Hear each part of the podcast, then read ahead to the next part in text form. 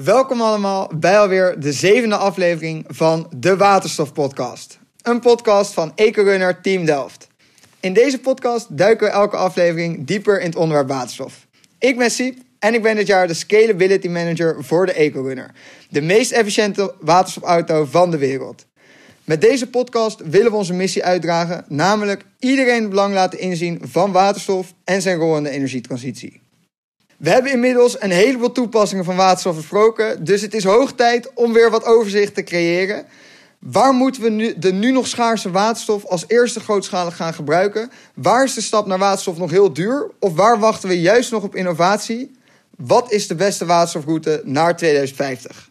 Thijs ten Brink schreef voor een van mijn favoriete nieuwsites, watisduurzaam.nl, zijn befaamde waterstofladder. Door deze ladder en scherpe pen staat er voor sommigen misschien uh, bekend of zelfs berucht als waterstofcriticus, maar zelf noemt hij zich liever een realistische waterstof-enthousiast. Ik ben erg benieuwd naar ons gesprek. Thijs, dankjewel dat je er bent. Yes, bedankt voor de uitnodiging en voor de introductie. Ik heb er zin aan. Ja, en nou ja, ja, voordat we losbarsten, Thijs, we kunnen er natuurlijk niet omheen. Uh, waar ben je waterstof voor het eerst tegengekomen? Um, ja, dan moet ik even, even graven. Dat was denk ik al uh, misschien wel op basisschool of net brugklas. Discovery Channel, toen ging het echt over de waterstofauto's. Vond ik machtig interessant. Ja, want jij bent er ook in, in, in doorgegaan, hè? Daar is eigenlijk het vlammetje en uh, in, die, in je studie uh, zelfs op afgestudeerd, toch? Op waterstof? Jazeker, uh, op Power to Gas ben ik afgestudeerd voor het eiland Texel. Of dat helemaal energie-neutraal kon worden. En waterstof speelde daar een grote rol in. Oh, cool. Dat is inderdaad, daar hebben we als in onze tweede aflevering hebben we het daar zelfs al even over gehad toen we het op de gebouwde omgeving uh, hadden. En ook voor een beetje mensen die jou, die jou niet kennen, om een beetje een idee te krijgen. Uh, wat is duurzaam.nl? Is, dat, uh, is dat eigenlijk, moeten we dat jouw baan noemen? Is het je sidejob of is het meer een uit de hand gelopen hobby eigenlijk? Het is een enorm geëscaleerde hobby. Ik, ik, ben, dat nu, ik ben begonnen tijdens mijn studie, zoals jij er nu bij zit. Dus kijk uit. En ik, inmiddels schrijf ik zo'n tien jaar al over de energietransitie op wat is duurzaam. Ja, cool. En eigenlijk in, je, in het normale leven uh, werk je eigenlijk als adviseur in de bouw, hè? Ja, ik uh, adviseer bouwbedrijven, uh, de, de, grote bouwbedrijven van Nederland, over duurzame toepassingen in de aanbestedingen waar ze allemaal op inschrijven. Is veel bezig met beton en asfalt. Maar ja, nu natuurlijk vooral over jouw, jouw kritische pen of jouw voor wat is duurzaam. Maar die beruchte waterstofcriticus, waar heb je dat aan te danken? Hoe is dat zo gekomen dat je daar met een wat strengere blik uh, naar de waterstof kijkt? Nou, je introduceerde me goed. Ik ben altijd enthousiast geweest over waterstof. Dus als, van jongs af aan ben ik ook echt nog steeds. maar de afgelopen jaren, zeg maar sinds 2018, begin klimaatakkoord. Toen werd opeens, leek het wel de hele wereld en zeker heel Energie Nederland zeer enthousiast over waterstof. En toen dacht ik van ja, we kunnen er ook weer niet alles uh, van verwachten en alles mee oplossen. Dus toen ben ik een beetje de verwachtingen gaan temperen. Ja, om een beetje tegengeluid te geven op de hype eigenlijk. Niemand kan er omheen dat er ongelofelijke waterstofhype uh, gaande is. Wat voedt dan die hype? Lijkt waterstof dan toch, omdat het een molecuul is, wat meer op de aardgas, dat sommige grote bedrijven toch de echte systeemtransitie niet, niet aan uh, uit de weg gaan? Of hoe zit dat? Nou, uh, of dat uit de weg gaan is, weet ik niet. Maar het, het grote voordeel van uh, waterstof is inderdaad wel dat het sterk lijkt op, op het aardgas, wat we al in grote volumes gebruiken in Nederland. Ja, dat, dat heeft ook zeker zijn voordelen. Ja. En is dan, want daar moet ik, natuurlijk gelijk aan denken. En dat is iets dat speelt eigenlijk door alle afleveringen. Uh, waterstof en biomassa gaan heel vaak hand in hand of naast elkaar. Of in een of-of eigenlijk. Uh, met, met biomassa hebben we natuurlijk ook zo'n hype meegemaakt. En hebben we zelfs, is nu nog steeds biomassa onze grootste duurzame energiebron. Um, heeft die waterstofhype, uh, lijkt die daarop? Wij zijn natuurlijk ook, ook wel echt anders, maar... Nou, ik zie wel een risico en, een, en enige overlap, ja. Want uh, biomassa's hebben we de afgelopen jaren groot op ingezet. Dat is inmiddels ook... Uh, ja, dat, dat, dat roept inmiddels ook veel weerstand op. Als je nu nog kijkt, het momentum van waterstof in de maatschappij is echt heel erg groot. Maar ja, naar mijn idee wordt niet altijd het volledige verhaal verteld. En wordt niet altijd de details uh, gebracht die misschien ja, inderdaad het enthousiasme iets zouden kunnen temperen. Ja. En ja, mijn idee is dat je daar beter zo vroeg mogelijk een eerlijk verhaal kunt vertellen dan later uh, moet terugkomen op, uh, op eerdere beloftes. Want we zien nu bij biomassa hoe moeilijk het is om nog nieuwe projecten met biomassa op te starten. Het zou jammer zijn als dat met waterstof die kant op gaat. En dan, dan moet ik zeggen, en dat is heel erg hoe, hoe ik er naar kijk, zijn natuurlijk heel veel vergelijkingen. En je zal zien dat in de loop van de energietransitie de vraag naar moleculen steeds groter wordt. Maar ik denk dat er een heel groot verschil is. Want als de vraag naar moleculen omhoog gaat, gaat die van biomassa omhoog en van waterstof. Biomassa zit een letterlijk uh, theoretisch maximum aan. Waarin we gewoon niet meer genoeg biomassa hebben. En bij waterstof kunnen we natuurlijk altijd meer groene energie maken en meer waterstof maken. Dus ik denk uiteindelijk dat er een heel groot uh, fundamenteel verschil tussen de twee zit natuurlijk wel. Maar uh, ik, ik ben het met je eens, we moeten er altijd kritisch naar kijken. En daar vandaan is natuurlijk uh, de waterstofladder ontstaan. Wat, wat is een waterstofladder? Uh, dat is geïnspireerd op de ladder van Lansing. de, over het hergebruik van materialen, van afval. Al lang, lang geleden. Ehm, ja, ik dacht het wordt tijd om een keer te prioriteren van... stel, we hebben straks heel veel waterstof. Of we hebben straks eerst maar eens een beetje waterstof die duurzaam is. Waar gaan we het dan toepassen? Uh, en dat, dat heb ik opgebouwd. Uh, eerst gekeken van waar, uh, waar gebruiken we nu al waterstof? Waar zullen we dat in de toekomst sowieso dus ook gaan gebruiken? Dus bovenaan de ladder staat kunstmestproductie en ook chemische industrie, waar gewoon waterstof onderdeel is van het product. Echt, het molecuul is het product. Maar we gaan zo, gaan zo nog wat dieper in de ladder duiken, denk ik. Alleen, um, dus toch om eigenlijk die ladder te maken, is, het, is dan de belangrijkste maatstaf, als ik jou een beetje proef, is dat eigenlijk waar kunnen we echt niet om de waterstof, om de waterstof heen?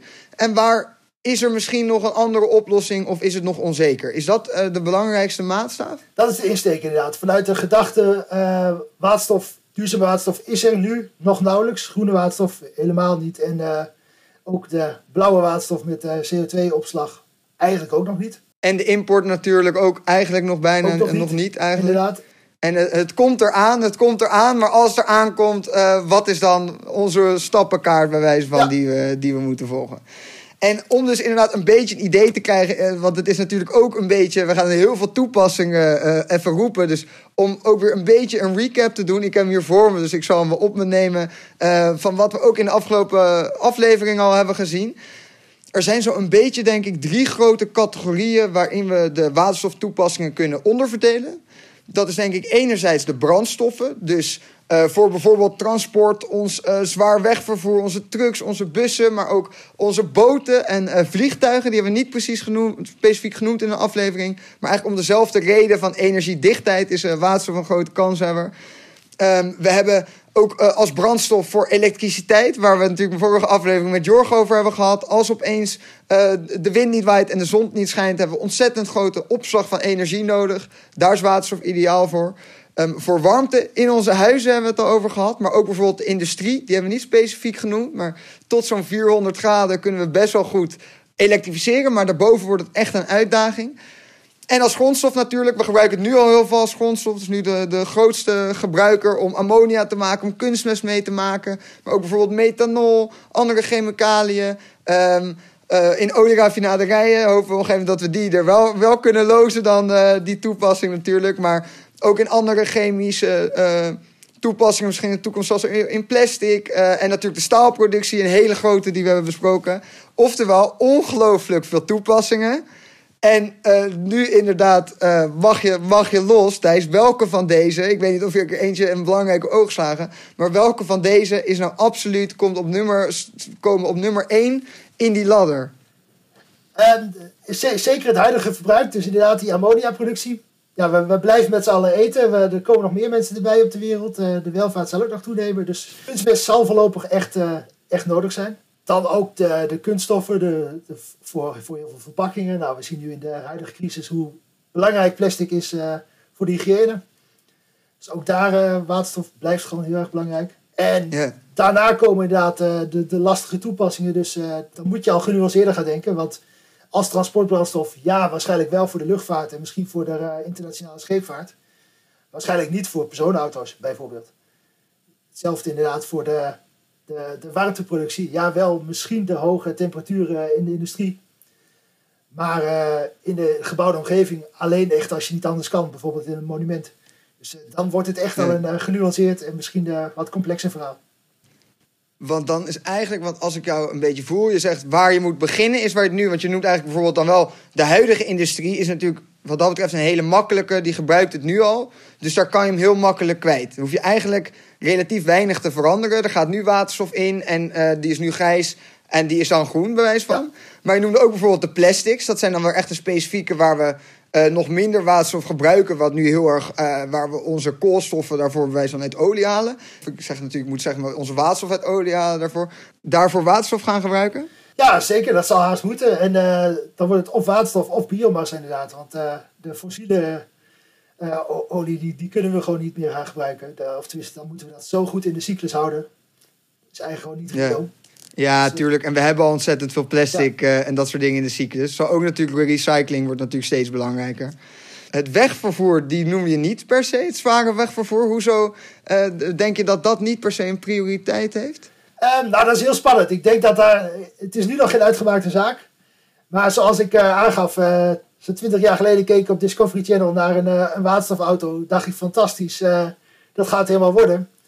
Nou, sindsdien ben ik van mening veranderd. Uh, er zijn nu uh, elektrische auto's die gewoon op accu uh, eigenlijk alles konden wat, wat die auto destijds kon en, en, en veel meer nog.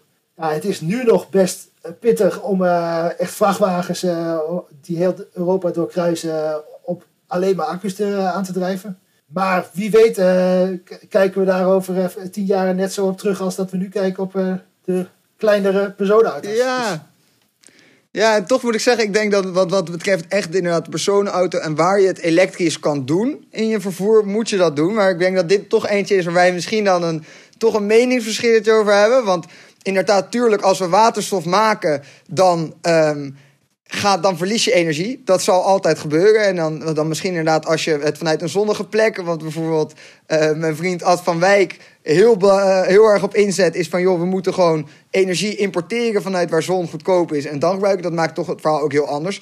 Maar bijvoorbeeld een, uh, een, een batterij-elektrische auto, die vindt eigenlijk bijna zijn meeste uitstoot vindt hij vaak al in bijvoorbeeld de productie van de batterij. En om nou enorme batterijen te maken, daar zit ook een ontzettende ontwikkeluitdaging uh, nog toch in. Maar jij ziet die toch wel ook wel gebeuren. Uh, je zegt, daar moeten we even afwachten nog wat het wordt... voordat we massaal op de waterstof... Nou ja, niet per se afwachten. Denk juist inzetten op allebei. Want we weten gewoon nog niet wat, wat daar de winnaar zal worden. Misschien komt er een winnaar en blijft het naast elkaar bestaan. Maar ja, je hebt natuurlijk ja. vrachtwagens voor, voor zeer uiteenlopende toepassingen. Als je alleen een distributiecentrum naar de supermarkt hebt... ja, dan heb je het misschien maar over 100 kilometer per dag. Dat kan zeker op accu. Als je yeah. vanuit Polen naar naar Madrid moet, ja, dan wordt het uh, misschien wat lastiger oppakken. Ja.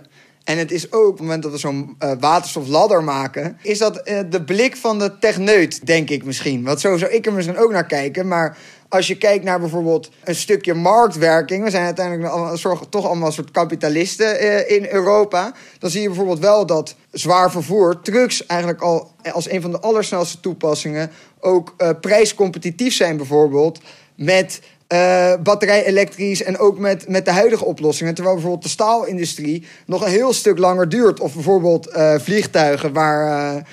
Hoe zie je dat dan gaan? Is dan ook zo'n waterstofladder wel een realistische manier van opschalen? nou, het is niet gezegd dat die waterstofladder ook precies past op de markt. Hè? Ik, het is wat, mijn weergave van wat ik denk als er waterstof is en we gaan er als maatschappij verstandig mee om, dan pas je daartoe. En ik denk wel, zoals de markt er nu voor staat, eigenlijk overal waar je waterstof toe zal passen, moet daar toch geld bij. Dus dan zit je als overheid dus ook aan de knoppen. Ja. En dan wil ik als kiezer graag dat daar de verstandigste dingen mee gebeuren. Ja, dus dan gaat het, gaat het dan om euro vanuit de overheid voor die dan in CO2-winst gaat, bij wijze van. Of gaat het dan in kilo waterstof die in CO2-winst gaat? Want dat zijn nog wel twee hele verschillende dingen dan natuurlijk. Nou ja, het belangrijkste waarom we überhaupt over waterstof en accu's en, uh, en uh, warmtepompen praten, is natuurlijk gewoon klimaatverandering. Dat willen we voorkomen. En klimaatverandering voorkomen betekent uiteindelijk zorgen dat er minder CO2 in de atmosfeer uh, terechtkomt. Dus dat is niet alleen maar een kwestie van 2030 moeten we halveren, 2050 moeten we nul uitstoten. Maar het gaat ook echt om wat we in de tussentijd uitstoten. Dus overal waar je een benzinemotor nu kunt vervangen door een elektromotor, uh, daar pak je al je winst. En ja, dat, dat werkt op alles werkt dat door. Dus uh, het is. Euro's is misschien nog wel minst belangrijk. Uiteindelijk uh, de euro's die we gaan uitgeven om alle CO2 die we nu te veel uitstoten laten deze eeuw weer uit de lucht te trekken, dat wordt pas echt erg duur. Ze zeggen wel eens de, de rekensom, de, eh, een euro die je nu investeert, die bespaart je 100 euro in 2100. Uh, om en nabij qua uh, voorkomen is beter dan genezen van uh, de problemen natuurlijk. Maar dat is wat anders. En ik denk, we zijn het ook toch wel voor een heel stuk eens. Ik denk dat, dat zwaar vervoer wordt echt tricky. Voor allebei is een enorme investering in infrastructuur nodig. Want ook snel laden en heel veel batterijen opladen zijn we zeker nog niet klaar voor. En voor waterstof tanken moet natuurlijk, is ook een infrastructuurinvestering waar we ook de overheid misschien voor nodig hebben.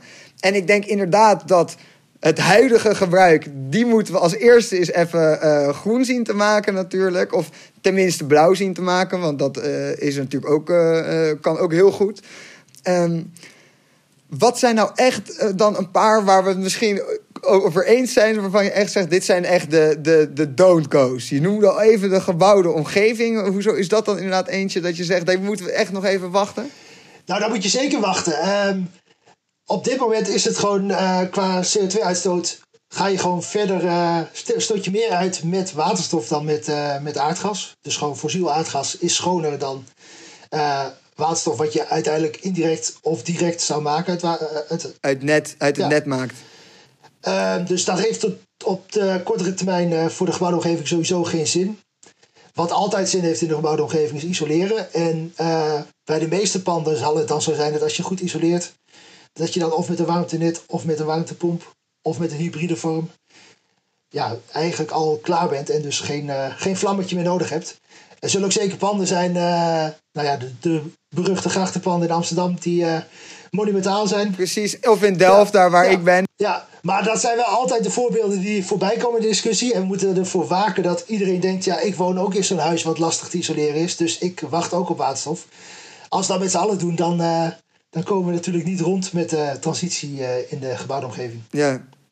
En ik denk inderdaad, als het om euro's per CO2-winst gaat, dan zijn we natuurlijk eigenlijk met aardgas. Hebben wij mazzel dat we aardgas gebruiken. En in Duitsland hebben ze bijvoorbeeld pech dat ze daar nog aan de olie zitten, want daar zitten ze nu in een gastransitie. En gaan ze eerst nog naar eigenlijk wat wij hebben, bewijs van voordat ze uh, helemaal omgaan. Dus dat is ook inderdaad, je, de CO2-winst zit nu nog het meeste in isoleren en. Uh, in uh, elektrificeren uh, waar het kan. Het is een beetje, denk ik, voor de gebouwde omgeving een zeefje. We gaan alles erdoor proberen te trekken op elke mogelijke manier. En er blijft wat in achterover. En dat gaat aan het einde inderdaad met toch die latere waterstof. Daar wordt het pas echt relevant om die laatste uh, pakkers te killen. Als het dan gaat om zo'n waterstofladder en CO2-winst. We hadden het al even in de gebouwde omgeving gebruiken natuurlijk aardgas. Dat is al een relatief uh, goede brandstof. Bijvoorbeeld misschien staalindustrie gebruikt ook heel veel steenkolen. Die natuurlijk nog veel slechter. Neem je dat dan ook mee? Uh, ja, zeker. Ja. ik denk inderdaad, als je, als je ervan uitgaat dat je waterstof zou kunnen maken duurzaam, dan is dat natuurlijk altijd uh, schoner dan een fossiele benzine of, een, of steenkool in de, in de staalindustrie. Maar het probleem is dat we dat gewoon zover nog niet zijn. Dus die waterstof is nog niet beschikbaar en dat zal ook echt nog wel even duren de, de kortste klap die je kunt doen in de industrie is uh, gewoon CO2-afvang bij huidige productie van waterstof, maar ook bij huidige productie van staal. Daar kun je ook de CO2 afvangen. En dat uh, levert veel sneller CO2-reductie op dan. Dan naar groen in één wacht keer. tot je die uh, groene waterstof, dan wel blauwe waterstof kunt maken. En daar dan weer staal mee maken. Ja. En dan is, is dan de staalindustrie denk ik echt, eigenlijk wel een van de enige voorbeelden die echt nog op steenkolen gaat. Die zo goor zijn bewijs van. Maar daar is dan CO2-winst voorlopig in de komende 15 jaar even uh, de grootste oplossing om nu iets te doen. En we zijn natuurlijk, uh, we zijn in Zweden aan het testen, zoals we al zeiden. Dat moet ontzettend opgeschaald worden. En uh, dan komen we er uiteindelijk wel. De toekomst ligt daar ook voor waterstof. Maar dat is misschien dus ook niet een van de eerste waar we dan de waterstof zullen zien, denk je dus ook. De staalindustrie. Niet de eerste, maar wel een, in het eindbeeld is dat wel een grote. Dus ja. uh, dat, dat is ook, het is ook, het heet niet voor niks transitie. Dus uh, eerst kijken waar je de eerste winst kunt pakken en uiteindelijk kijken waar je echt niet om waterstof heen kunt. Ja, de, de hekkensluiters. En dat is eigenlijk, dat is natuurlijk misschien een andere route nog, of eigenlijk nog een andere ladder, of een, meer een roadmap dan, dan eerder. Ik denk nog wel een leuke die we eigenlijk nog niet hebben genoemd. is eigenlijk om een hele andere reden. Ik denk dat we het daar ook over eens zijn. Eentje die ook wat later komt, is natuurlijk waar we het vorige week over hebben gehad. Over grootschalig opslaan van energie. Uh, op het moment dat we nog niet heel veel groene energie hebben, dat is eigenlijk natuurlijk heel kwalijk. Maar we hebben daarmee ook het probleem van de instabiliteit natuurlijk nog niet. Dus uh, de echte vraag naar grootschalige opslag moet natuurlijk ook nog, uh, nog komen. Dus die zal ook misschien dan wat, wat later toch komen. Um, we hebben wel een beetje een idee. We zijn wel, veel zijn we toch langs, langs aan het gaan. Er zit natuurlijk wat discussie en we hebben allebei geen glazen bol waarin we het kunnen voorspellen. Um, wat zie je nou een beetje wat er nu wel gebeurt? Wordt er een beetje naar de waterstofladder geluisterd? Of, um, nou, er is wel. Uh, toen ik, uh, ik denk 2019 schreef, toen was er nog wel echt heel veel aandacht voor gebouwde omgeving, mobiliteit. Inmiddels zie je toch wel de grote projecten, de grote consortia die projecten aankondigen, die zitten wel echt op de industrie. Wat dat betreft wordt er geluisterd. En zeker de grote projecten die waarschijnlijk binnenkort gegund worden. Dat zijn ook gewoon de CO2-afvangprojecten in, eh, in Rotterdam. Ja. Nou, dat is gewoon uh, dat, dat is een heel logisch startpunt om eerst eens uh, je huidige waterstofproductie, uh, de installaties die er al staan, om daar de CO2 af te gaan vangen. Ja, ja. Dat noemen we dan blauwe waterstof. Ik noem het eigenlijk gewoon CO2-opslag, want daar zijn we bezig. En dat is ook wel meteen, er wordt ook heel veel gepleit voor nieuwe blauwe waterstof. Maar dat is bijna dat is niet heel veel minder complex dan, dan nieuwe groene waterstof. Want ook daar moet je dan echt uh, volledig nieuwe installaties bouwen. En daar vervolgens de infrastructuur voor de CO2-opslag. Ja. Dus ook dat is niet per se een supersnelle route naar, naar een nieuwe, nieuwe groene of uh, duurzame waterstof. Dus jij denkt wel vooral qua blauwe waterstof niet enorm opschalen. Vooral wat we nu maken, uh, zo snel mogelijk even blauw maken in ieder geval. Voordat we. Nou, nee, laat, laat ik hem herstellen. Nee, opschalen moeten we altijd doen, maar we moeten er reëel in zijn hoeveel tijd daar overheen gaat.